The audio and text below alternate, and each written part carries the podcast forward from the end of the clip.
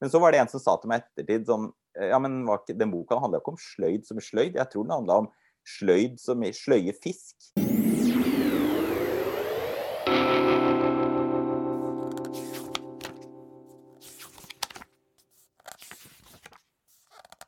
Kjære lyttere, kjære medmennesker, kjære medborgere, kjære bokvenner. Velkommen til denne episoden av Bladpodden. Vi skal snakke om eh, boken som objekt og bokdesign og bokomslag, og vi har med oss Ane Thon Knutsen, grafisk designer og kunstner. Velkommen til deg. Vi har med oss Aslak Gurholt, grafisk designer og kunstner. Ja, og forfatter og litt Og mer. forfatter og litt mer. Velkommen til deg. Takk. Og vi har med oss Eirin Andresen Betten, journalist, lærer, lektor og sakprosa-fetisjist. Hei, hei. Den stemmer. La oss starte nå med Eirin. Du er, jo, du er jo romanforfatter. Du debuterer nå med roman om noen måneder. Ja. Hvordan var det da å, få en designer med på laget som skulle lage, lage boken, og slik den liksom da vil framstå ute i verden? Ehm, nå må jeg passe meg litt, så jeg ikke sier noe feil. Men um, Cappelen har um, en egen husdesigner som, ehm, som jobber veldig godt, vil jeg si. Men vi hadde litt, jeg vil kanskje si at den største utfordringa var med var denne runden, eller altså denne, denne tida, er fordi kunne, jeg kunne ikke møte henne pga. Koronaviruset. Så jeg, boka ble sendt til henne, og så fikk hun, leste hun faktisk boka. Og så gjorde hun en, eh, ga hun meg et par-tre um, forslag. Ting hun mm, Og så hadde jeg, jeg gitt henne noen sånne ideer om hva jeg likte. Altså jeg hadde sendt noen sånne screenshots av en, av en del eh, Eller jeg hadde laga en mappe da, med noen bilder med noen omslag som jeg likte. Og så hadde hun laga noen forslag ut ifra hva jeg sendte henne, og hva hun tenkte at boka kunne, hva som kunne representere boka på omslaget. Da. Um, og det var jo veldig spesielt, at plutselig så oppdaga du at her er det noen som har lest en tekst, og så kanskje oppfatter teksten veldig annerledes enn det jeg, jeg sjøl oppfatter teksten, og hva de syns er fint, og hva jeg syns er fint. Så vi har en sånn en, en smaksforskjell her, da. Eh, men vi endte opp med å Når vi endelig fikk lov til å sette oss ned sammen, selv digitalt da, vi, Omslaget ble laga ved at um, redaktøren og jeg og designeren satt slik som det her, på Teams. Og så eh, delte hun skjermen sin med oss, og så satt hun og jobba i Illustrator, mens vi satt og på en måte prøvde å finne ut hvilke farger og hva som passer, og hvordan det skal utformes og sånn. da. Så det var en veldig spesiell måte å jobbe på, for du fikk aldri lov til å treffe mennesket. Um, og, da, og dermed så ble du fratatt en dialog som åpenbart trenger å være der. Nei, det er jeg ikke sikker på. Det. Who knows? Who knows? Du, det kan ha noe med meg å gjøre, for at jeg er en, sånn, jeg er en kontrollperson. Jeg liker å ha kontroll på ting. Um, og jeg er veldig opptatt av at det skal være litt sånn Hvis jeg ikke, hvis jeg ikke liker det, så får jeg helt um, Jeg får en sånn, sånn panikkaktig følelse. Mm. så det kan ha noe med det å gjøre. Det kan være min personlighetstype som mest sannsynligvis trengte å ha, ha noen fingre med i spillet her, da. Ja. Men um, Du mener det ikke, ikke, man ikke trenger den dialogen, Aslak? Altså, det her er kjempevanskelig, da. Eh, Jeg, jeg har vel designa sånn 300-400-500 bøker. eh, Og eh, altså, mesteparten av det jeg har designa, er jo eller veldig, en veldig stor del av det. Og veldig mye av det som er skjønnlitteratur, er jo for Flamme forlag. Og da har jeg på en måte hatt full ansvar for alt som har vært av design. Så da har det jo vært liksom Eller det har i hvert fall for min del da vært litt sånn frigjørende fordi jeg har kunnet slippe å ha eh, eh, ja, Noen ganger så har jeg dialog med forfatterne, og noen ganger så går det gjennom redaktørene. Noen ganger så blir det jo på en måte misforståelser eller uh, Men da er det i hvert fall ikke sånn at det blir en sånn derre Det blir veldig lett en sånn diskusjon om bare sånn derre smak. Hva liker du? og det har jeg helt sånn Eller jeg syns det er veldig vanskelig. Da. Jeg, synes det er, jeg, jeg er veldig sånn rasjonelt eh, innstilt. og det jeg prøver å gjøre, er å lage en, et eller annet, et ålreit objekt, og som prøver å formidle noe av det boka handler om. Uh, men Og det er sikkert veldig vanskelig for en del Hvis du er liksom forfatter og har sittet og skrevet på en bok i fire år, liksom, så kommer noen og så Smukk, sånn ble det. men uh, jeg, jeg er ikke sikker på om det blir altså, ja, det er, det er, mange måter å jobbe med det her på. da, mm. som, Og det betyr ikke at liksom eh, Det jeg er redd for, kanskje, er at man veldig fort når man sitter og Det er litt som med musikk, da, føler jeg. At hvis du sitter Du skal lage design for et uh, band som er, spiller en viss type musikk, så blir det veldig fort at uh, at kanskje OK, man går i sånne feller som at ja, det blir bare sånn sjanger sjangeruttrykk, sjangeromslag, eller mm. originalitet blir borte. At, og at diskusjonene blir veldig sånn fordummende. Og, så, men jeg, det, er, det, er, helt sikkert liksom sånn Men har ikke du som designer for Flamme og Flamme har jo så veldig spesifikke omslag. Altså Du vet når du ser ei flammebok. Ja, men det er jo bare fordi at jeg har gjort alt, liksom. Ja, ok. da fikk jeg, da fikk jeg svart det. ja, ja. Uh, men det er også på en måte ja, Det er jo litt sånn hummer og kanari der òg, da. Men, uh, og det er, det er, veldig vanskelig. Da. Noen ganger så må man jo jenke det til litt. Da. Det er sånn, men jeg har følt at det har vært veldig bra, en bra måte å jobbe på fordi gjennom at forlaget har hatt en veldig distinkt mm. identitet, da. Mm. Så er det sånn at de forfatterne som da kommer dit, de på en måte OK, de kjøper en del av en pakke.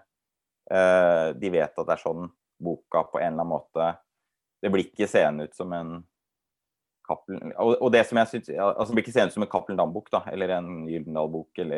Og det er det jeg syns er kanskje problemet når du ser på alle bøkene som kommer som bare spys ut av Cappelen Dam og Gyldendal og Aschehoug og Oktober og Altså, det ser jo ut som det samme Det ser likt ut? Ja, det ser likt ut, liksom. Og det ser helt sånn generisk ut. Det ser som sånn herre Ja, og jeg, jeg, tror det går ti år jeg, mellom hver gang jeg ser en god idé på, som, som dukker opp i en sånn norsk bokflora. Ja. Det, det syns jeg er veldig trist å se. da. Ja. Uh, ja. Men tror du det kan ha fordi at forlagene òg tillater forfatterne å få lov til å få for mye Altså at, at forfatterne har for masse å si da, på omslaget? At det kan være en av årsakene? Ja, kanskje. Også, ja, ja, altså, jeg, jeg, vet ikke, jeg tror kanskje at det handler om en litt sånn blanding av lite kompetanse hos forlagene. Eller lite, egentlig sånn, ikke kompetanse, men at de bare lite visjonære tanker da, om hva designet kan kanskje være. Og at man blir veldig sånn alltid ned på detaljnivå. Ja, det omslaget det skal passe til den, akkurat den boka, i stedet for å Det er jo helt sånn påtagelig at det fins jo ikke liksom sånn bo bokserier, liksom, eksempel. Det fins jo ikke lenger, nesten. Altså, Nei, Jonas viste jo fram én her, da. Ja. Eh, Cappelen de har vært to. De har um, det andre biblioteket sitt, og jeg kommer ikke på hva mm. det heter. Upopulære ja. tekster eller noe sånt. Ja. Jeg, husker, jeg, jeg, husker, jeg en gang skulle lage et, en serie for et norsk forlag, og så sa jeg at ja, jeg kan, jeg kan gjøre jobben på Men da, det, da, må det jo være fordi det er en serie. at det faktisk skal Men så viste det seg ganske fort at nei, det var egentlig ikke det. De skulle bare gi ut fire bøker som en sånn derre gimmick eh, for, som skulle pakkes sammen. Og så skulle liksom de neste fire de skulle da gjøres av noen andre. og så og så var, Det er jo ikke noe serie. Og så var egentlig forlaget mer opptatt av om de kunne lage et videoklipp og putte det på YouTube og liksom sånne ting. da, eh. Rundt designet. Ikke hvordan liksom boka Og det syns jeg var helt eh, Uh, litt, litt, trist. Nå må jeg kanskje passe meg på hva jeg sier her, jeg òg, Men det, er det derfor, Ane, at du har begynt å trykke At du liksom trykker dine egne bøker? Lager alt fra scratch? Jeg, jeg, vet ikke om det har noe med det å gjøre. Eh, hvorfor gjør jeg det? stor, det var et litt stort spørsmål. Nei, nei, jeg tror ikke det har noe med det å gjøre. Altså. Det, jeg tror jeg handler mye mer om eh, min litt sånn eh, Altså veldig opphengthet i liksom hva som, som skjer nede i detaljnivå. Eh, så jeg er, jo, jeg er, jo, på en måte mye mer opptatt av brødteksten, ja, det som skjer inni boka, eh, enn en eh, liksom spesifikt omslag. Eh, så, så, for meg så det, er det kanskje liksom mer den eh, dialogen mellom eh, ja, mellom eh, boka som, eller den boka som en helhet, da. Eh, og at jeg, jeg syns jo ofte det at omslag kan være litt sånn, sånn når man går inn i bokhandel nå, så ser jo liksom at det ser jo ut som en litt At jeg får litt sånn assosiasjoner til videosjappa. Eh, at, at det er liksom omslaget er liksom bilder fra filmen om liksom, den filmatiserte boka. Og at ja, jeg, jeg syns det er litt sånn stusslig, da. Også, og at det er så kort levetid. Så jeg er vel kanskje litt mer på den, det Aslak sier, da, om at jeg òg er svak for sånne serier som, eh, som mener det. Eh, og at det er eh, Ja, det blir lenger og lenger mellom det. Så nå, nå er det jo mer videosjappa når man går inn på mammutsalget, da.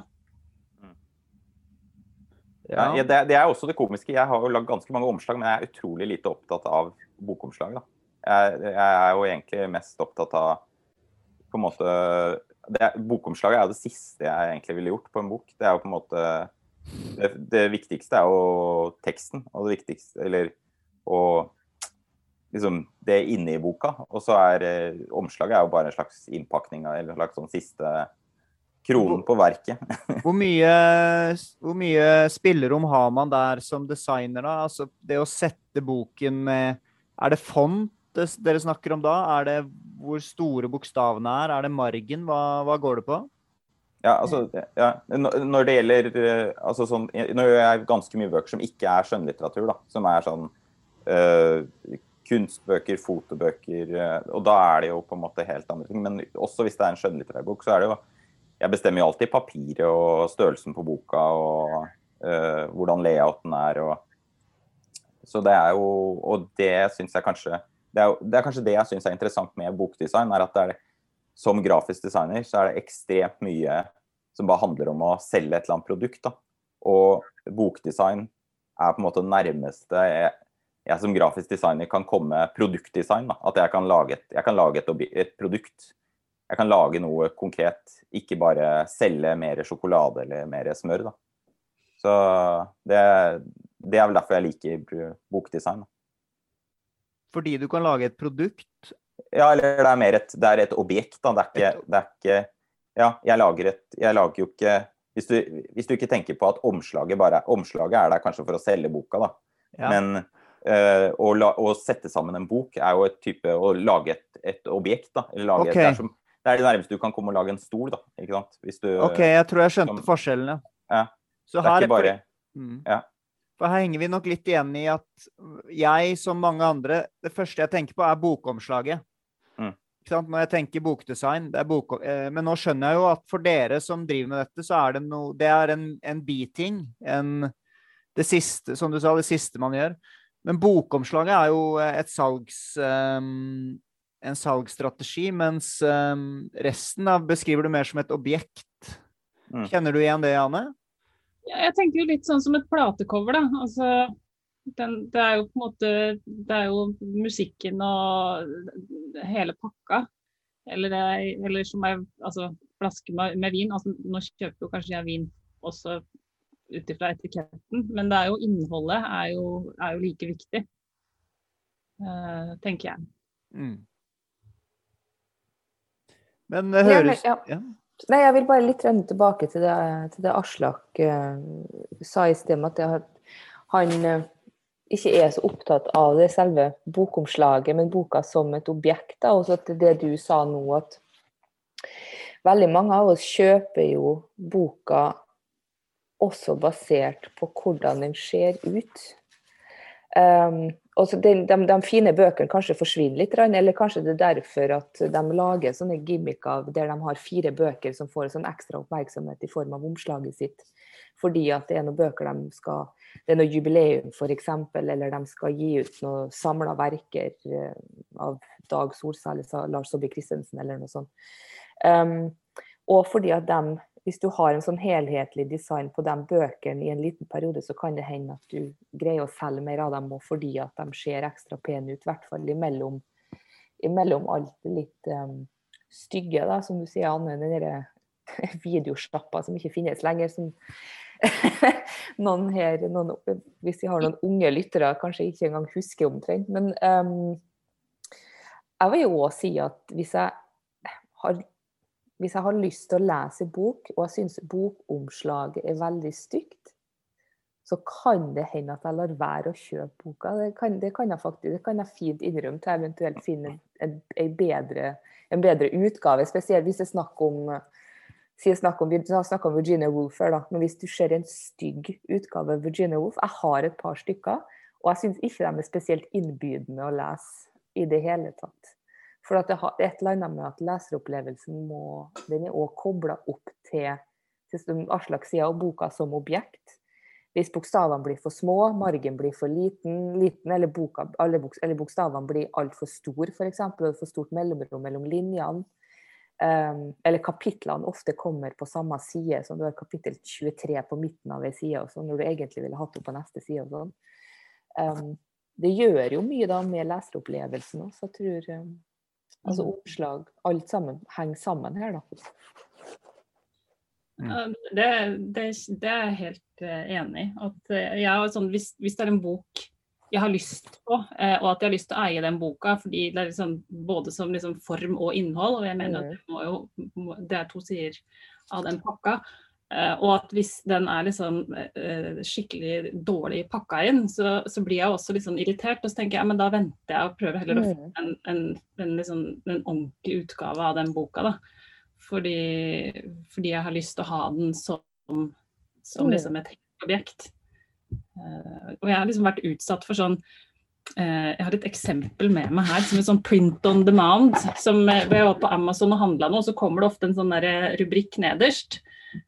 og så klikka jeg på den, den Jacobs Room. så klikka jeg på den, så tenkte jeg ja, den skal jeg ha. Og så tenkte jeg ikke noe over det, jeg gikk ikke inn og gjorde noe særlig research, og så fikk jeg den i posten.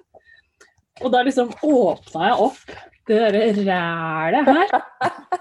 Og fella, den fella er jeg ikke jeg i nylig. Det er så sint at jeg, at jeg sto ved siden av søppelkassen, så tenkte jeg liksom bare Se på den linja der. Jeg, vet du, den pælmer jeg. Fortell, fortell eh, lytterne hva som er galt med Hva er det som gjør det til ræl? Altså, hva er det som ikke gjør den her til ræl, er vel spørsmålet. Det er sånn ekstremt lange linjer. Det er liksom ingen eh, marger over hodet. Den er pepra med horunger. Eh, det er hva er en liksom, horunge? Hva er en horunge? Altså, når, når, en utgangslinje havner på neste side jeg vet ikke, Nå hørte jeg at dette hjalp ikke. Forklar hva utgangslinje er, da. Ja, liksom I et avsnitt, da, når den siste linja i et avsnitt kommer på neste side. Ah, det går jo ikke. Og neste side, ja. da er det en horunge? Ja. og, og, det, og, det, som er det verste ja, der, med den boka her, er at Jacobs Room der var Virginia Woolf ekstremt opptatt av liksom, settinga, eller hvordan typografien var liksom, strukturert inni boka, med hvor liksom, stor avstand det var mellom, liksom, eh, mellom eh, avsnitt eh, og, og, tegnsetting og alt. Og her har det liksom bare trykka på litt sånn print. Eh, og det er liksom, jeg kan nesten høre at hun ligger og snurrer i grava. ikke sant? Når du ser det her. Ja. Og en sånn derre pikslert eh, sånn eh, copy-paste, sånn screenshot av liksom, eh, et Vanessa Bell-omslag. Altså, det er liksom eh, Men den, den Jeg ser bakpå, bak boka òg, så ser du at det er altfor store bokstaver. Det skjer, ja, ja. Alt, bare, alt, alt er for stort. Men uh, den her bruker jeg i undervisning, da, for det er liksom et sånn, et sånn skoleeksempel på liksom dette her er ikke lov. Jeg, tror, jeg gikk i samme felle her om dagen og fant jeg den boka. da. Jeg, jeg, kjøpte to bøker av David Pye. 'The Nature of an Art and Workmanship'. Og jeg trodde, liksom, jeg, trodde jeg kjøpte en gammel bok. da. Den så sånn ut. Og det var sikkert den samme knappen jeg ikke så. da. Så fikk jeg plutselig den her. Så det er helt absurd eh, gjenstand som bare er sånn, Ser ut som en sånn der skole A4, eller det er jo ikke A4 heller, men noen stor Sikkert en bok som har vært ganske liten, da, som plutselig er bare kjørt opp. Og så satt sånn, liksom. Hvor det er liksom en tredjedel av sidene er fylt. Det er jo helt merkelig. helt... Det, men, men, vi må fortelle litt der hvorfor det der var veldig komisk. Altså, her, kan ikke du holde opp siden igjen? Ja, boka er liksom Den er jo større enn A4. Og så er, og så er eh, Det er liksom bare litt Kjempestor bok, og så ja. inni boken så er det bare litt som er brukt i printen. og... Ja mye av det er blankt på sidene. Det, Ja, også, men det er veldig rart, for at plutselig så har du noen sånne bildesider. da, hvor det skal vi se her om jeg har noe eksempel på det. Hvor det er sånn at plutselig så er det så bilder som sikkert har vært ganske små da, i originalen. Som plutselig er blåst opp over sånn helsider. Skal vi se. Ja, plutselig har du liksom det her, da. Det er sånn små bilder som sikkert har vært ganske små opprinnelig. da. Ja. Og jeg vet, jeg vet ikke hvordan det her produseres, men jeg tipper jo at det er noe sånn Kanskje bare er datamaskiner hos uh, Amazon sånn som uh, digitaliserer det, og så spyttes det ut kopier Ja. på Jeff Bezos, hvis du hører på, gjennom en eller annen algoritme som oversetter dette. Så, eh, Jeff Bezos er veldig opptatt av kundetilfredshet. Så um, kanskje om ti år så kommer det en litt bedre versjon. versjon. Jeg har ikke klart å lese de to bøkene. Det, Nei, jeg gikk opp på biblioteket og lånte en ordentlig, eh, en ordentlig utgave rett etterpå. Det der kunne jeg ikke lese. Men um, jeg lurer på om vi skal gå videre på Siden du var inne på Virginia Woolf, bare bytter vi litt på rekkefølgen her. Så, fordi hun satte sine egne bøker, er det det du forteller, Anne? Du skriver om dette i, i siste eh, blad. Eh, ja, hun begynte med det. Altså, da var hun 35 år gammel eh, når hun og mannen kjøpte eh, altså, en trykkpresse da, på en, eh, på en bruktsjappe. Eh, og så, det var egentlig først og fremst fordi at eh, de skulle ha det som en hobby. Så de satte opp en trykkpresse og noe skrift i spisestua si. Og så satt de i gang eh, og, og skulle lage da, en pamflett sammen. Um, som da hette Two Stories, eh, hvor da hun da skrev og publiserte den, den novella som heter The Mark on the Wall. Um, men etter de trykka og publiserte denne, da, så tror jeg de oppdaga òg at eh, det var et kjempepotensial i denne trykkpressa. Så det, var liksom Mens de jobba med det der, så, så skjønte du at eh, her hadde de en sånn helt unik mulighet da, ved, å, ved å kontrollere det maskineriet. At de kunne eh, publisere og gi ut eh, ja, absolutt hva de ville. Og Virginia Woolf hadde jo hatt eh, Hun var jo gitt ut tidligere eh, på forlaget til stebroren, som misbrukte henne og liksom hadde sånn kallenavn, kalte for Geita. Eh, så hun var jo også ganske begrensa som forfatter, og ble liksom hindra i å, å være eksperimentell. Så det er jo etter at de begynner å trykke og publisere bøker selv, at hun utvikler seg liksom som den eh, forfatteren hun ble. Eh, og som jeg syns er liksom helt, helt sånn eh, jeg, kan ikke forstå at den historien er så lite kjent. Ja. Jeg mener jo det, det er jo hele, liksom, hele grunnen til at, eh, til at hun kunne være så eksperimentell og publisere sånne ganske radikale tekster også. Fordi det var jo ingen som, som fortalte henne at hun fikk ikke publisere eller gi ut utover det hun ønska selv. Nettopp. Det gir mening, det. Mhm. Jeg er litt nysgjerrig. Hvor, hvor stort opplag hadde hun på f.eks. den første Mark on the Wall, den Two Stories-greia? 150. 150, ja. Mm. Og, det, og de andre bøkene òg var ganske lave opplag?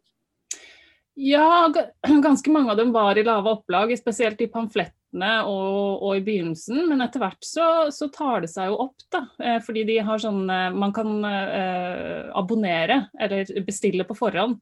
Så de tilpasser ofte opplaga etter det. Um, og, og etter hvert så vokser de jo og begynner jo å tjene penger på det forlaget. Og da, og da begynner de også å bruke eksterne eh, boktrykkere da, for, å, for å kunne gjøre liksom mye større produksjoner. Eh, så, så etter hvert så er det jo så gir du ut liksom som et helt vanlig forlag i, i den type dimensjoner. Mm.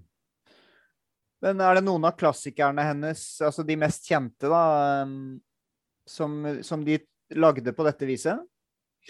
Altså Hun satt jo ikke noen av romanene sine. Hun satt eh, tre noveller, eller tekster, da, som hun skrevet selv. Det er den 'The Mark on the Wall', og så er det to versjoner av Kew Gardens. Den ene er liksom gjennomillustrert av søstera hennes, Vanessa Bell. Og så er det 'On Being Ill', eh, som er eh, på en måte en slags sånn opptak til Mrs. Dalloway. Eh, men det, det som var poenget med denne Jacobs Room, var jo at det var den første novella, da, hun, eh, eller nei, første romanen hun ga ut på eget forlag. Og da sendte hun masse sånne formaninger til da, de som skulle sette denne boka om Mhm. liksom, hvor mange blanklinjer skal det være mellom det og det avsnittet. Eh, og det var masse sånn, Hun, hun jobba veldig mye med sånn, eh, eksperimentell tegnsetting, så hun hadde liksom veldig sånn klare instruksjoner om at der skal det være eh, liksom, eh, ellipse, og der skal det være en lang tankestrek.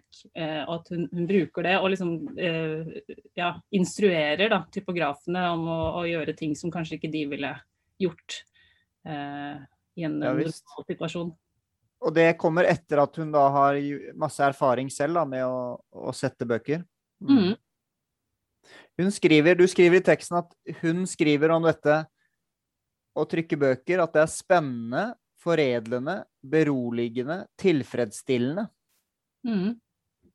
Det er en av de, hva, hva skal jeg si, en av de um, direkte em, eh, kommentarene hennes da, på hva, eh, hva, hvordan hun opplevde det å drive med boktrykk.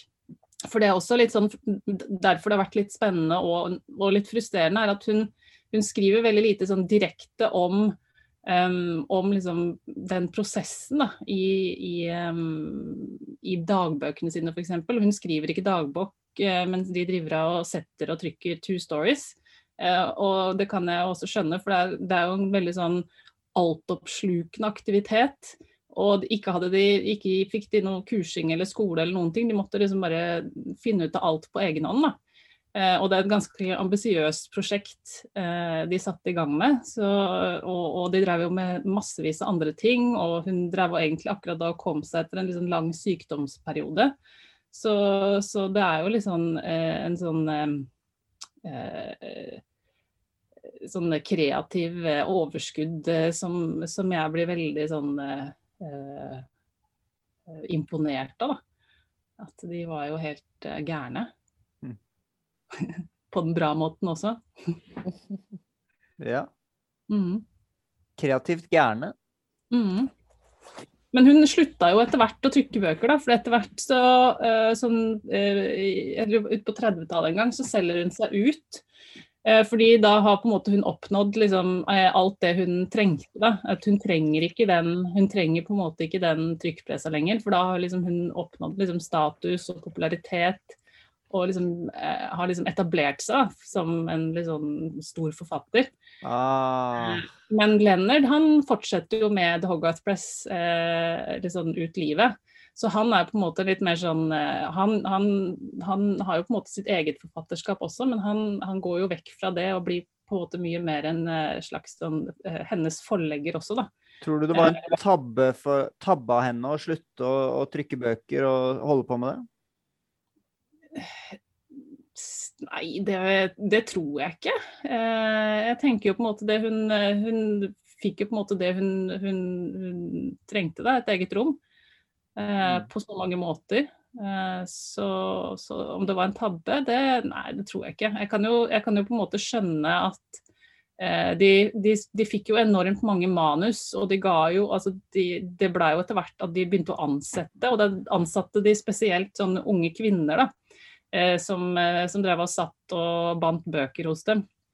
Eh, så etter hvert så begynte hun liksom å outsource det arbeidet, etter hun hadde liksom holdt på med det ganske mye. Og det er jo, hvis man tenker på liksom hvor lang tid det tar å sette ting for hånd, og egentlig er det jo liksom forfatter hun vil være, så skjønner man jo også det at eh, eh, på et eller annet tidspunkt så må man kanskje velge, da. Hva er det du har lyst til å bruke tida di på, liksom? Er det Ja. eh, sette eller skrive? Og etter hun har liksom satt og skrevet, så kanskje hun valgte skrive. Du skriver at, um, for, eh, at du tidligere broderte tekst, Mm. og at du ser noen likheter med det å, å trykke bøker og sette bøker. Og så skriver du det, det er kjønnet i hver sin ende. Det er pirkete og tidkrevende. Hva mener du med det? At det er kjønnet? altså, Boktrykkeindustrien var jo veldig mannsdominert, og eh, det var jo liksom Det var jo ikke akkurat en sånn kvinnesyssel, for å, for å si det sånn. Eh, jeg vet ikke om jeg finner det nå, men det er jo veldig mye interessante skriverier om hvorfor damer ikke skal drive med boktrykk, f.eks. Sånn man kan ikke føde normale barn, eller brystene kommer i veien. altså Det er liksom en hel sånn haug med sånn idiotiske grunner, så de ble jo på en måte systematisk holdt utenfor. Uh, mens, og det er også et sånn arbeid utenfor hjemmet, mens broderi er jo liksom et sånt hjemmesyssel. altså man, sånn, som damer sånn, tradisjonelt sett har sittet hjemme og, og gjort. Og det, det er liksom uh, Det er liksom ikke en sånn um, ting som liksom, når herrene skal møtes, så sitter de og broderer og snakker sammen. Så det er liksom den der stereotypien, da, sånn tradisjonelt, men som kanskje ikke Um, uh, og som, som, jeg kanskje syns er litt sånn interessant med Virginia Woolf, er at hun var jo en, Hun kom jo fra litt sånn uh, øvre middelklasse. Uh, og begynte liksom og begynte med sånt skittent manuelt håndverk etter hvert nede i kjelleren sin. Og det var jo liksom et sånt upstairs and downstairs-liv. Hvor liksom tjenerskapet var i kjelleren og overklassen var liksom i de høyere etasjene. Eh, og at hun liksom begynte å, å ja, holde på sånn da, nede i, i, kjelleren sin. Samtidig som hun også har liksom bundet bøkene sine selv, og at hun er også ekstremt slurvete. da, At det er liksom den der innbindinga hennes er liksom bare sånn Hun har liksom bare høgd noen hull, og så surra i noe tråd, og så pss, neste. Så det er liksom den derre den der, ja, Jeg bare syns det er så utrolig mye sånne interessante kontraster da, i, i hvordan hun liksom har gjort det derre nitidige eh, og liksom veldig meditative og langsomme arbeidet. Eh, og at jeg tenker også det kan være en fin kobling, fordi den derre langsomheten eh, og den meditative eh, prosessen man driver med når man broderer, og de fleste har brodert, ligner veldig på liksom den samme eh, tempo, da. Eh, og liksom samme arbeidsflyten som når man, når man setter. Mm. Det meditative minner meg litt om uh, boka, boken hennes 'The Waves', som Eirin pleier å lese fra. Jeg leste den på nytt igjen nå nylig, faktisk. Sist ja. måned. Favoritt. Den er jo vakker som bare det. Mm. Men den er meditativ på alle mulige måter. Ja. Mm. Mm. Men jeg tror kanskje vi skal hoppe over til JD Salinger. Uh, ja, la oss gjøre det. Mm. Jeg merket jo i sted, Aslak, at uh, du er ganske Du syns at forlagsbransjen er ganske kynisk og hyklerisk? ja. Det er vel mange bransjer som er det, da. ja. Men det minner meg om uh, Holden Caulfield ja. i uh, 'Catcher in the Rye'. Som du skriver, da. At han er så lei og det, og det gjør jo forfatteren òg. De er lei av det hykleriske mm. i samfunnet. Mm. Hvor, hvordan viser dette seg i disse bokomslagene? Kan ikke du fortelle den historien kort, hvordan disse bokomslagene ble til? Ja, altså Salinger han fikk vel altså på de første, Den første boka som han ga ut, uh, 'Catcher in the Rye', den uh, var det jo da en venn av han som lagde omslaget på. Og så i, til den amerikanske utgaven. Og så kom jo Den ble jo en kjempesuksess. Så kom den i masse forskjellige utgaver. Og så Eh, det er vel ikke noe sånn der, enkelt å si akkurat når han fikk inn nye klausuler, da. Men han eh, etter, etter en del forskjellige utgivelser som han var misfornøyd med, så fikk han da inn en klausul som gjorde at han, eh, det ikke skulle være bilder på omslaget av bøkene hans lenger. Og det skulle heller ikke være noen form for forfatterportrett. Det fjerna han jo allerede på den første boka, faktisk. Og det skulle heller ikke være noe bio om forfatteren.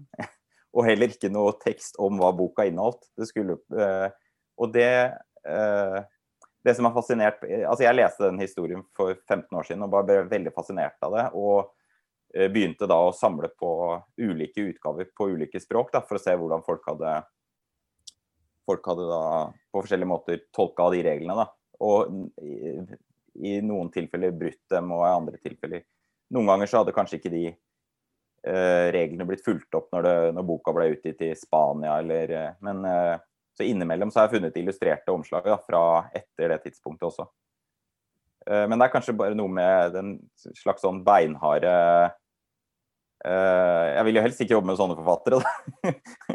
Men det er bra med Jeg, jeg, jeg har forståelse for han, da, på en måte, som hadde et slags sånn uh, Veldig behov for å kontrollere sitt eget kunstnerskap, da, som ikke mm. bare var ren tekst. da.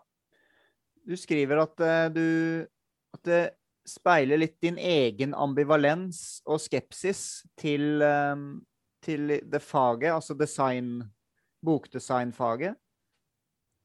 Ja, det er kanskje ikke bokdesignfaget, det handler kanskje mer om grafisk design. Da, Grafisk som har, design? Ja, som har i veldig stor grad bevega seg eh, fra å være en eh, Altså, det merker man jo ikke altså Hvis du designer uh, altså jeg, Det er derfor jeg Litt det jeg sa i stad. At uh, når jeg designer en bok, så handler det om å designe et objekt. da. Det skal være bra å lese. Jeg kan kanskje finne på noen finurlige ideer. Det skal være et objekt som det er lett å Det er en slags sånn blanding mellom Det handler ikke så veldig mye om å finne på en gimmick. Det er Eller ikke jeg, Mitt fokus er i hvert fall ikke liksom at ah, dette her skal selge tusenvis av bøker. Og det er veldig mye av grafisk design handler om nettopp det. Det handler om hvordan kan vi øke forbruket? Hvordan kan vi selge litt mer peanøtter? Og det er kanskje det, akkurat det, den delen av det faget da, som jeg har store problemer med. Mm. Så, sånn sett er eh, Salinger et bra alternativt Ja. utkikkspunkt. Ja. Men har du lest eh, bøkene hans, eller bare samler de for designs skyld? Jeg, jeg, har lest in the eye for ti år siden. Ja, ja, Eller ja, eh, ved to anledninger. Men uh, jeg, har ikke, jeg har ikke lest de, de andre. Men jeg syns det er spennende. Det er, noen, det er jo noen berøringspunkter her mellom Virginia og JD, da. Mm. En kontrollbehov kan man snakke om, kanskje? Eller eh, detalj... eh, Opptatt av detaljer. Jeg lurer på om det gjelder mange forfattere som har vært veldig opptatt Jeg kjenner i hvert fall til en annen forfatter, nemlig Søren Kirkegård i Danmark. Mm. Han var litt som Virginia Woolf. Han ga jo ut bøkene selv. Så han skapte seg sin egen frihet, og var veldig opptatt av forsiden, hvordan den skulle se ut. Og det ligner litt på det JD Salinger, eh, det du beskriver om JD Salinger. Det skulle være veldig rent og enkelt. Samtidig som det var mye tid lagt inn i det. Men eh, det skulle ikke være prangende på noe som helst måte. Mm. Um, så jeg syns det var spennende å lese om JD Salinger jeg, og Virginia Woolf. For jeg syns jeg kjente igjen litt i den måten Søren Kirkegård var ekstremt opptatt av hvordan bøkene skulle se ut. Samtidig som de skulle være veldig eh, Jeg skal ikke si subtile, men de, de skulle ikke prange på noen måte. da. Ja, det, er, det, er litt, altså det med Salinger som kanskje er interessant, det er jo at det, eh, når Altså I noen tilfeller så tenker jeg at det har ført til veldig, veldig bra eh, Eller bra omslag da, til hans bøker.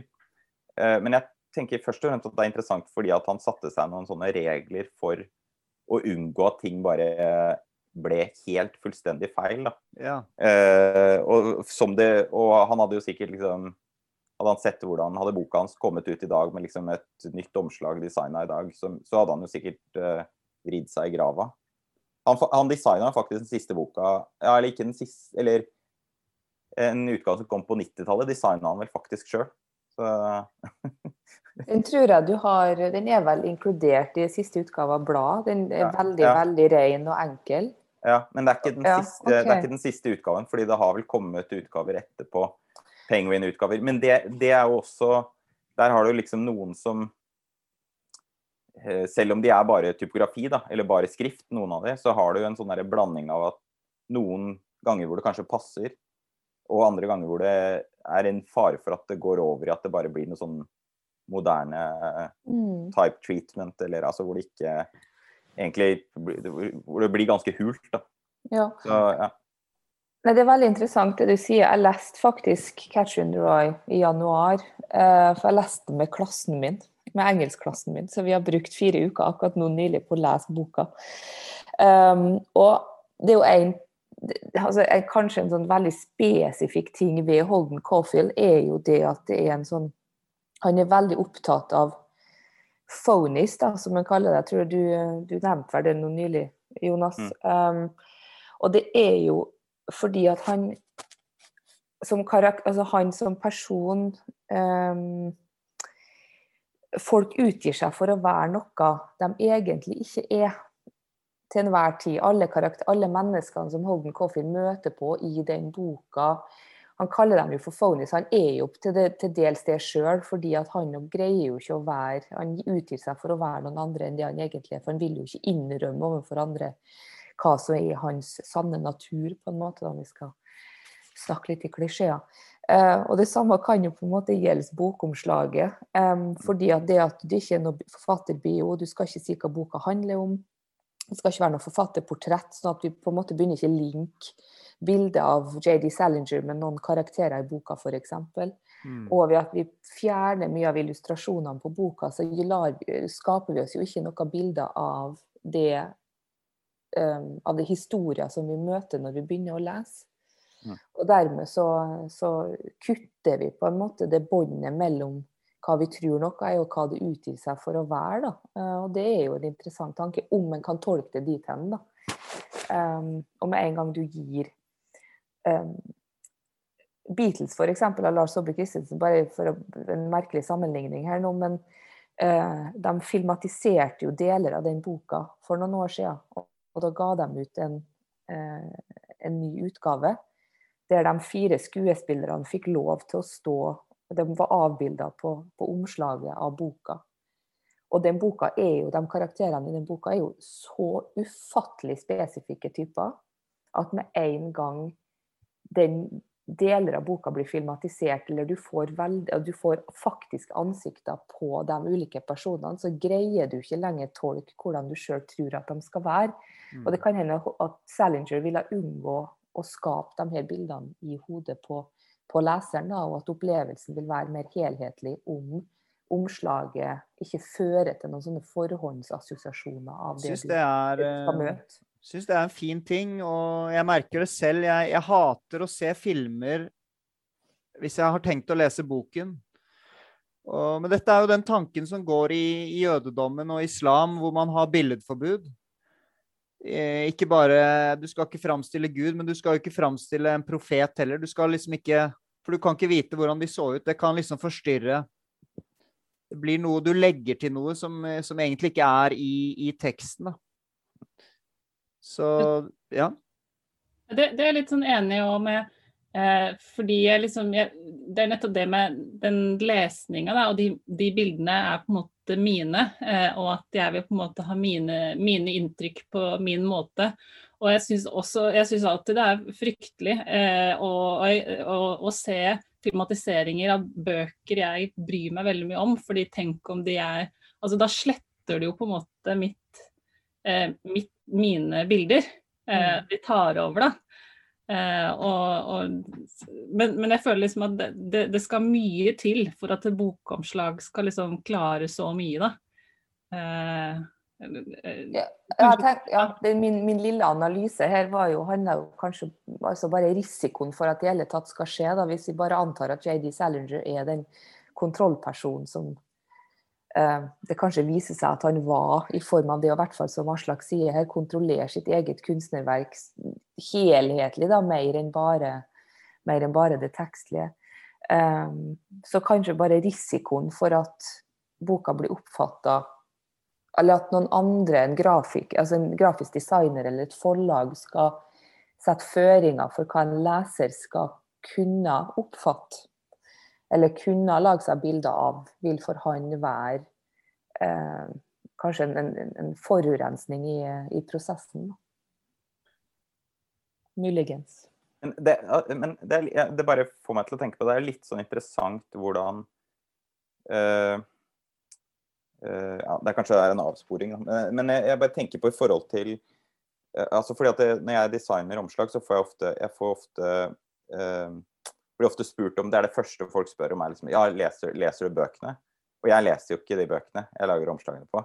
Det er jo Eller det er, jeg er veldig sjelden. Jeg, jeg, jeg, har, jeg, har, ikke tid til det. Og det er, jeg føler også at det Og veldig ofte Det føles jo, det føles jo ganske falskt, faktisk. Altså, eller sånn Så må jeg bare jeg putter på noe. Uh, men jeg, prøver å være altså Det er jo ikke sånn at jeg ikke vet hva boka handler om, for jeg prøver å få et slags sånn, ok, få et sammendrag fra forlaget noen ganger så er jeg nødt til å snakke med forfatteren hvis jeg ikke skjønner hva Men noen ganger når jeg snakker med forfatteren, så skjønner jeg fortsatt ikke hva boka handler om. Det hender jo det òg. Og, og, da, da men, da prøver jeg å ikke eh, å være Jeg vet ikke, noen ganger så prøver jeg å være litt sånn begrensa hvis jeg ikke helt forstår hva det dreier seg om. At OK, mm. da kan det bare være typografi, da. Det jeg stoler på det. Eller at det på en måte ikke I hvert fall ikke over Eller fullstendig bommer, da. På noe som eh, Men eh, det har, jeg, jeg husker at det var en, et tilfelle, faktisk, hvor Ja. Det, ja det, Fortell, da. Fortell. Ja, jo, OK, greit. Ja. Derfor jeg, jeg husker jeg, det var ett tilfelle. Det var øh, øh, han øh, Skal vi se, jeg husker jo ikke navnet på forfatteren engang. Eh, Hva het eh, boken? Eh, Den het eh, Hav sløyd. Eh, Det var eh, han eh, Vik, eh, Vikne. og flamfatter. Ja. Eh, Ja. eh, Og eh, Erlend, var det det? Erlend Vikne, ja. Erlend Vikne. Ja. Jeg vet ikke helt om det her stemmer, men jeg, jeg husker at jeg gjorde den første boka hans, som het Hav sløyd, eh, så trodde jeg trodde at det var uh, hav, uh, og jeg trodde det var sløyd som i liksom sløyd, sløydfaget. Tre og, Så jeg trodde at det var Og så tenkte jeg med en gang sånn her, ah, ok, der er det en slags sånn connection da, mellom havet, når du ser et, et hav, og det mønsteret i treverket. Så det ble en veldig Forsida ble da uh, Forsida er eh, et bilde av hav, baksida er noe bilde av noe treverk, tror jeg. Med typografi oppå, da. Og så var det en som sa og, det, og denne ideen presenterte jeg for forlaget, og da tenker jeg liksom at de kunne jo da De kjente jo innholdet bedre, så de burde kanskje kunne klart å plukke opp den hvis det var noe feil. Men så var det en som sa til meg ettertid sånn Ja, men ikke, den boka handla ikke om sløyd som sløyd. Jeg tror den handla om sløyd som i sløye fisk. så, så det kan, jo, det kan jo sikkert også sånn til og med på det eh, Når man er veldig, veldig konkret, da, så er det jo veldig lett å gå tråkke feil. Men, Ja, ja. Ja. Men det men, jeg men, det, men det treverket kan være en brygge òg, selvfølgelig. Det er, Ja, men da tenker man liksom bare det at eh, altså, Da går det nesten også litt sånn andre veien. At å, her er det noen dype assosiasjoner som, som han har lest boka nøye og plukka opp, ikke sant. Ja. ja, det, jeg tenker litt sånn eh, Kanskje jeg har en tendens til å liksom Ja, at eh, ja, folk alltid vet hva de driver med. At, ja. Men eh, det var en takk for at du delte den historien. Ja. Eh, det var litt morsomt, det der. Men eh, forfatteren var sikkert fornøyd, han. Jeg, jeg har ikke turt å spørre han om det her ennå. Jeg burde egentlig gjøre det. Høre om det, faktisk. Kan, nå kan det hende jeg kommer med noe fake news. Som, eh, Men eh, la oss eh, Nå har vi hatt eh, Dette har gått veldig fort. Vi har snakket om mange interessante ting. Kan ikke vi runde av nå med en liten sånn runde på det fineste bokomslaget dere klarte å finne? Og jeg vet at det er et vanskelig spørsmål, men Jeg syns vi òg skal vise dem stygge. OK, en, en fin og en stygg. Ja, det må vi gjøre. Skal vi begynne med stygg eller fin? Vi begynner med stygg. Ta stygg Kanskje? først, og så Ja. tar vi fin til slutt. Ja. Skal jeg begynne? Ja. Um, jeg, jeg har ikke den på papir, for den, jeg vil jo ikke ha den. Uh, det, og det er ikke, jeg, jeg vet ikke om stygg er uh, riktig Kan jeg prøve å dele skjerm med dere? Um, det er ikke stygg som er riktig ord. Det er bare liksom eh, Det er liksom bare Det, det går ikke an. Eh, eh, OK, du må la meg dele, bare. Og er det jeg som eh, Ja. Jeg må gi eh, Ja. Åh. Funker det nå? Jeg prøver. Ja. Eh, ja, Oi. ser det? Virginia Woolf. Her er det en, eh, en sånn modelldame med langt, bølgete hår, grønn kjole. Hun ser ut som en brunhåra versjon av Jessica Rabbit med grønn kjole, er Ja. det det ligner på. Wow. Og, Ja. det, ja, og det er Virginia Woolf, 'Night and Day'. finnes den boka der, faktisk? Altså, Ja, det, ja, det der finnes faktisk. Eh, og eh, og den, altså, den er jo ikke stygg. Det er en eh, fryktelig vakker dame, og hun har brukt masse tid i Photoshop. Eh, det er bare det at det er liksom Det bommer på liksom så mange plan at jeg vet ikke hvor vi skal begynne engang. eh, og ja. Fantastisk. Hva med deg, eh, Eirin? OK. Jeg tok bare noe som lå på nattbordet, for det er faktisk ganske masse å ta av. Men jeg tok med Naomi Klein, 'The Shock Doctrine'. Og den Ja, jeg vet ikke helt hva det Jeg, jeg lurer på om det er meninga at det er sånn et kulehull Ja, det ser ut som et kulehull. ja, i O-en. Det likte du ikke. Eh, Sjokkdoktrinen. Nei, altså rødt og svart og hvitt.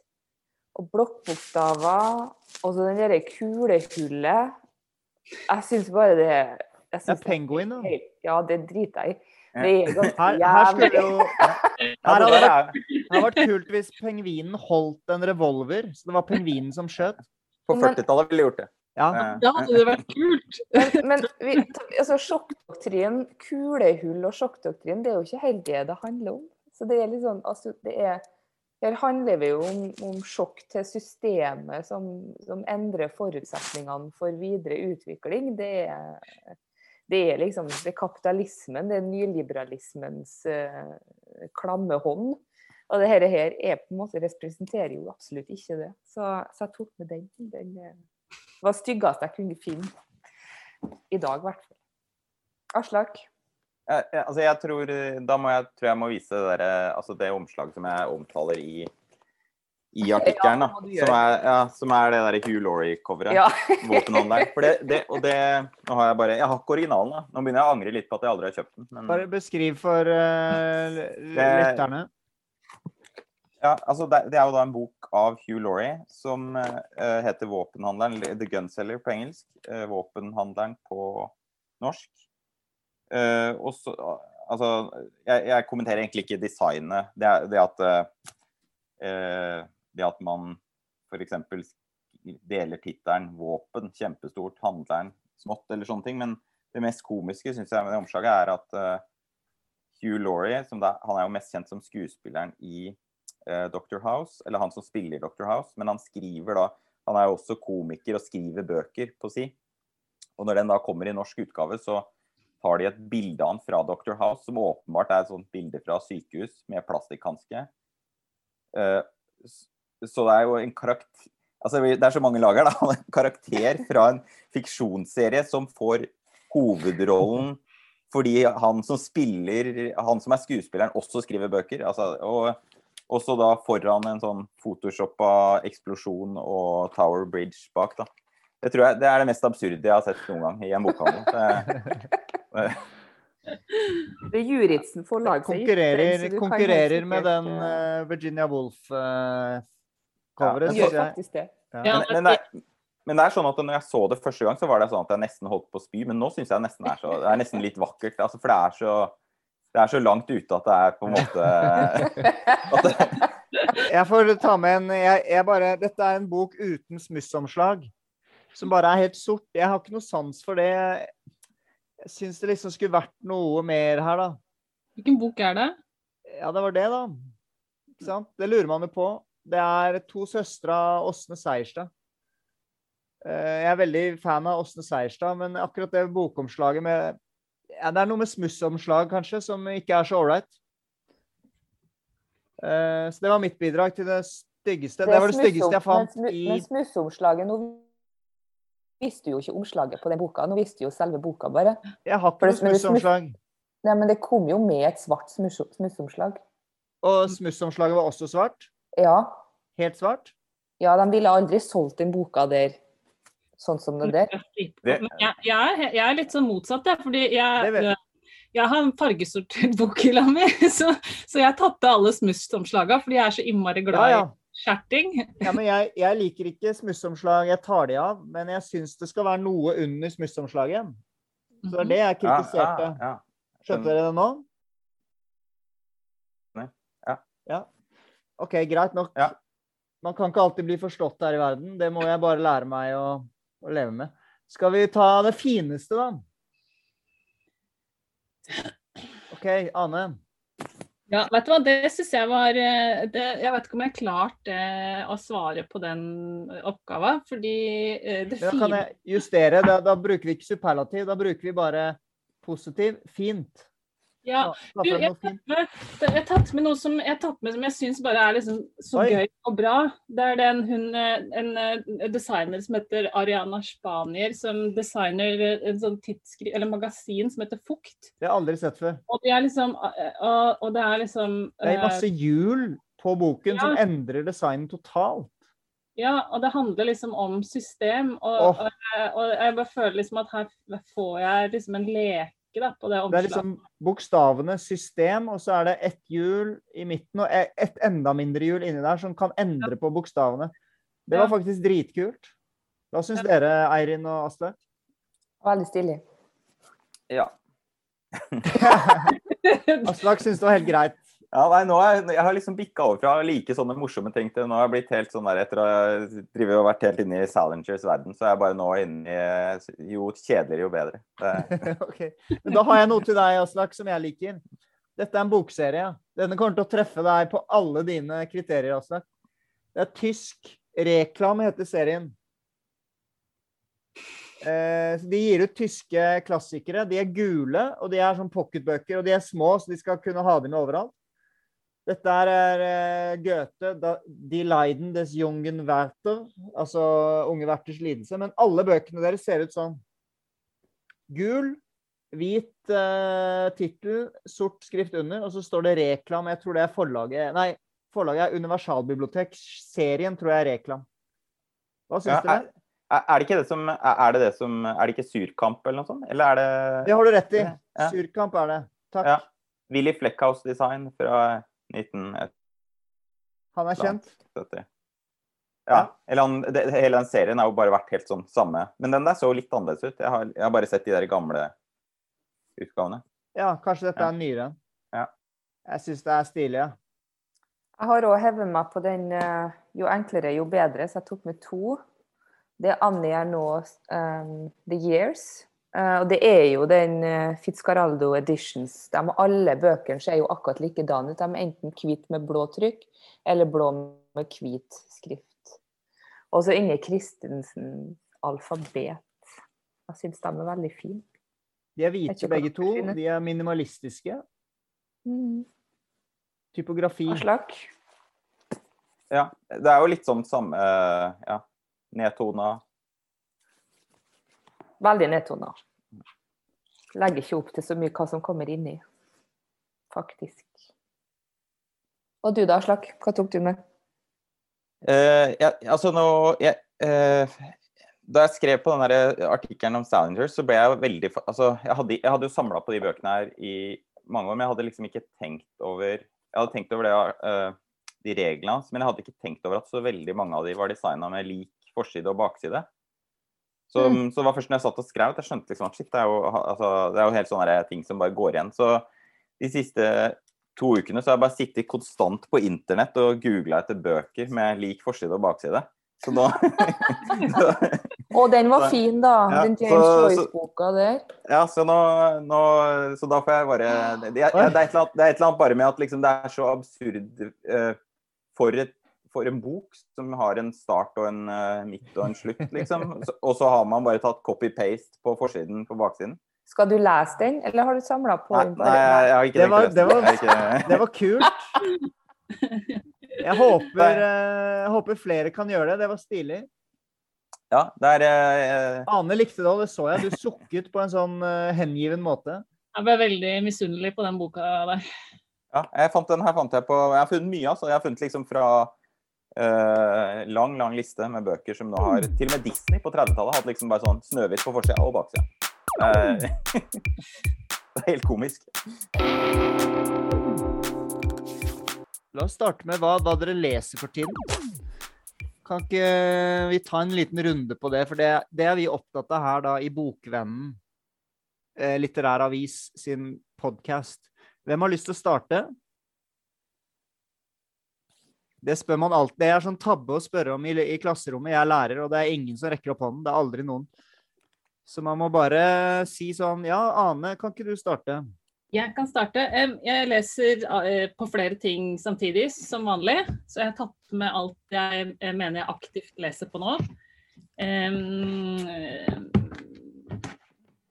Jeg leser på nå, leser jeg Nancy Cunards biografi. Eh, The, The Swordy Hours. OK, hvem, hvem er hun? Nancy Cunard en, var en, eh, en aktivist, um, kunstner, forfatter og boktrykker. Kunstner og forfatter og boktrykker. Yes, Uh, som starta sin egen trykkpresse direkte inspirert av Virginia Woolf. Okay. Så jeg er veldig opptatt av henne om dagen. Uh, og her her er det hennes memoarer fra eh, The Hours Press som hun drev. Har hun Eh, designet den boken selv? Nei, det tviler jeg sterkt på. Den er gitt ut ved uh, Illinois University Press. OK. Og jeg kasta smussomslaget. Uh. Ah, ja, for det ser ut som en sånn bok ja, hvor, du, hvor det, man har fjernet det plast eller det greiene rundt. ja, det er det. Og så er det er det et ganske svakt blindpreg rett i den brune skjertinga. Og så er det en svart rygg med, med sånn forgylte Den er fin. sjaler her. Den er fin. Mm. Ja, så bra. Du, men du har mange bøker, du. Jeg tror ikke vi rekker å ta hele bunken, men du kan bare vise bunken. Det er sånn Pirre oss litt. Ja. Jeg leser jo denne her også. Den um, Heidi Linne, hva hun klager Ja. over når hun klager over husarbeidet. Den er designa eksildesign. Det er den med den eh, litt sånn brune bananen. Ja. Um, Det er norsk samtidslitteratur. yes, det er det. Herlig. Så jeg tror jeg gir meg på det. Ja. Ja. Ja, men fint. Hva med deg, Aslak? Hva driver du og leser for tiden? Altså, jeg leser, jeg leser eh, veldig lite skjønnlitteratur, da. Så jeg, det, det jeg stort sett leser, er sånn bokhistorie øh, om øh, samtidskunst, øh, designteori, sånne ting. Eh, så i det siste, pga. Salinger-artikkelen, så har jeg bare lest om eh, eh, smussomslagets historie og eh, bøker fra ja, sånn akademisk historieskriving Ja. om eh, bokens bestanddeler. Stilig. Hva er egentlig et smussomslag? Det er den papirlappen rundt, eh, rundt boka. Men hvorfor heter det smuss? Eh, fordi, opprinnelig så var det jo fordi at det skulle hindre at du fikk eh, Altså man kjøpte eh, Opprinnelig så kjøpte man jo en bokblokk, altså uten permen. Kanskje fikk den bundet inn selv. Etter hvert så ble bøker solgt med en perm, og da for å hindre at det kom møkk på Mm. boka. Så det, er- opprinnelig så er smussomslaget en slags sånn derre gjenstand som eh, eh, ble laget for å beskytte boka inni. Mm. Og så har det gradvis eh, blitt mer og mer Egentlig så var det vel helt i starten så var det jo et slags innpakningspapir som bare uten trykk, uten noen ting. Ja, nettopp. Eh, og så har det etter hvert liksom gradvis funnet formen sin og blitt eh, mer og mer en eh, kanal for markedsføring og salg da, av boka. Ja. Så, Så interessant. Vil du vise en av de du leser nå, eller? Du har bunke du òg, ser ut Ja, jeg har eh, Jeg eh, Akkurat nå så driver jeg og leser den her. Book Parts fra Oxford eh, University Press. Så, Bookmarks. om For- forskjellige deler av boka.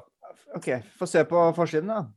Helt grusom, men Det er, en det slags, er, det er en slags bok. Ja, det er veldig bok med armer. ja, ja, veldig stygg ja, men La meg Ja. fortelle, fortelle lytteren. Ja. Det er, dette er fantastisk. Det er en bok med armer som sitter og leser en bok. ja, ja.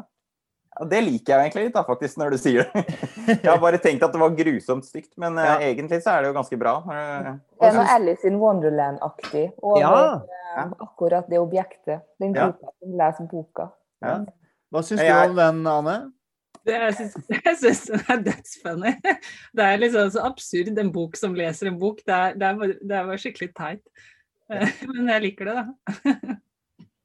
Kanskje det er en kommentar til mye hvordan akademia har blitt? Bøker som leser bøker. ja, Men ja. eh, Aslak, ja, hva skulle du si? Nei, det var ikke noe mer, egentlig. Det er det, er det jeg leser. Herlig. Eller jeg leser bare masse småting da, hele tiden. Så, ja. Ja, ja. Ikke sant. Ja. Men er det ikke slik livet er? Fullt av masse småting. Mm.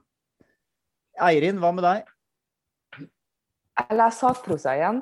Jeg hadde en periode her nå der jeg var veldig flink til å lese eh, mye skjønnlitteratur. Jeg gjør det jo nå. Jeg en bok som jeg har fått eh, anbefalt av Even, faktisk. Um, 'Mor forsvinner' av Truls Unnholt. Som uh, kom ut nå nylig. Den er ganske god. Men jeg, nå har jeg gått inn i den her, som er Wait for it. The Art of Statistics. Åh, Vi må lese om statistikk. men dette er en kjempe... Dette syns... Nå er jeg spent på å høre dere som er litt uh, proffe på design. eh, eh, dette syns jeg er en kjempeflott, et kjempeflott bokdesign. Uh, kan ikke du prøve å beskrive det, Eirin, til lytterne? Det er, det er pocketbok. Den er turkis. Uh, jeg aner ikke hva fonten heter. Det er sikkert uh, Det vil kanskje dere Det er ikke så farlig. kunne vite. Det er noe sånn jeg Kalibri-aktig, vil jeg si, hvis vi skal bare skape et lite bilde her. Um, og så har den, pga. at det handler om statistikk, så er det en sånn prikkstatistikk, da. Litt sånn som ser ut som virus. Um, I gult og rødt Ja. over, eh, over omslaget. Veldig, jeg syns den er veldig fin. Jeg har tatt, faktisk tatt med hele den serien her, den nye Pelikan-serien. Få høre hva de profesjonelle syns om. Eh, Jeg har ikke så mye Jeg har ikke så mye jeg skal si om den boka. Den er litt sånn eh, helt sånn eh, klassisk eh, bokomslag. Ja. Eh, Veldig sånn ja, i den derre pelikan-pingvin-sjanger. Mm. Ja, det er den nye serien. Den nye pelikanserien. Mm. Ja. Ja. Nei, jeg syns den er Jeg liker dem faktisk. Hva, hva. Syns du. Aslak? Jeg, har jo litt sånn der fetisj for penguin books og pelican books og sånn, ja, men det er mer liksom andre jeg Det er ikke sånn at uh, Altså, jeg samler på veldig mye sånn eldre ting derfra, og det er mer uh, Nå bare angrer jeg på For at det uh, Vi skulle jo snakke om bokomslag litt her også, og da har jeg Jeg har vært veldig opptatt av det fordi at Pelican Books og Penguin Books de hadde på et tidspunkt eh, sånn på rundt 40-tallet, så var det ofte at logoen ble brukt som en veldig sånn humoristisk del da, i designet. Så hvis det kunne være en bok om sjakk, så var plutselig pingvinen blitt en sjakkbrikke. eller Ja. Sånn ser du ikke så mye lenger, da. Men det, det, det er liksom grunnen til at eh, altså Jeg samler på den type bøker fra Penguin Books og Pelican Books når jeg ser at eh, logoen plutselig har tatt en sånn eh, rundtur inn i universet på omslaget. Da. Det er lekent. Ja. Kult. Nei, jeg, fikk, jeg fikk kjempelyst til Jeg syns de gule prikkene du viste Jeg fikk lyst til å bare ta på boken og lukte på den og sånn, men uh, greit nok. Det kan jo hende at vi har litt um, Jeg tror nok vi, du og du, Jonas, og um, jeg tror kanskje vi ser på boka litt annerledes enn dere som faktisk jobber med dem mye mer som objektet som det, skal, det som skal sendes ut i verden. Og du og jeg er jo mottakeren, ikke avsenderen av det, eller skaperen av det objektet. Um, så jeg personlig syns jo de nye Pelican Books-bøkene er faktisk veldig fine, men en som faktisk jobber med det grafiske her, vil kanskje tenke på det egentlig som bare helt vanlig og generisk, ikke sant? La meg vise dere det kan, det kan jo være du har rett i Men jeg syns ikke vi skal Jeg syns ikke, Eirin, at vi skal nedvurdere vår spontane mening. Det er jeg faktisk litt imot. Helt greit. Helt Ja. greit. Mm. OK, her er boken jeg har lest for tiden. Det er en utrolig forfatter. Jeg si, Ja, nå er det eh, speilvendt av grunn. Simone Weil. Um, det er en ut... Ja, men det er i hvert fall en serie som Cappelen Dam gir ut i noe de kaller Livets bibliotek. Så alle bøkene ser like ut. Sånn rød. Og så er det et lite sirkelbilde av eh, portrettbilde av forfatteren. Og det er, det er litt sånne åndelige slash selvhjelpsbøker. Eh, Viktor Frankel, Johannes Sløk, Erik From om kjærlighet. Epiktet med stoisk eh, filosofi. Så serien er veldig spennende. Eh, designet er vel bare helt greit. Men forfatteren uh! Simone Weil.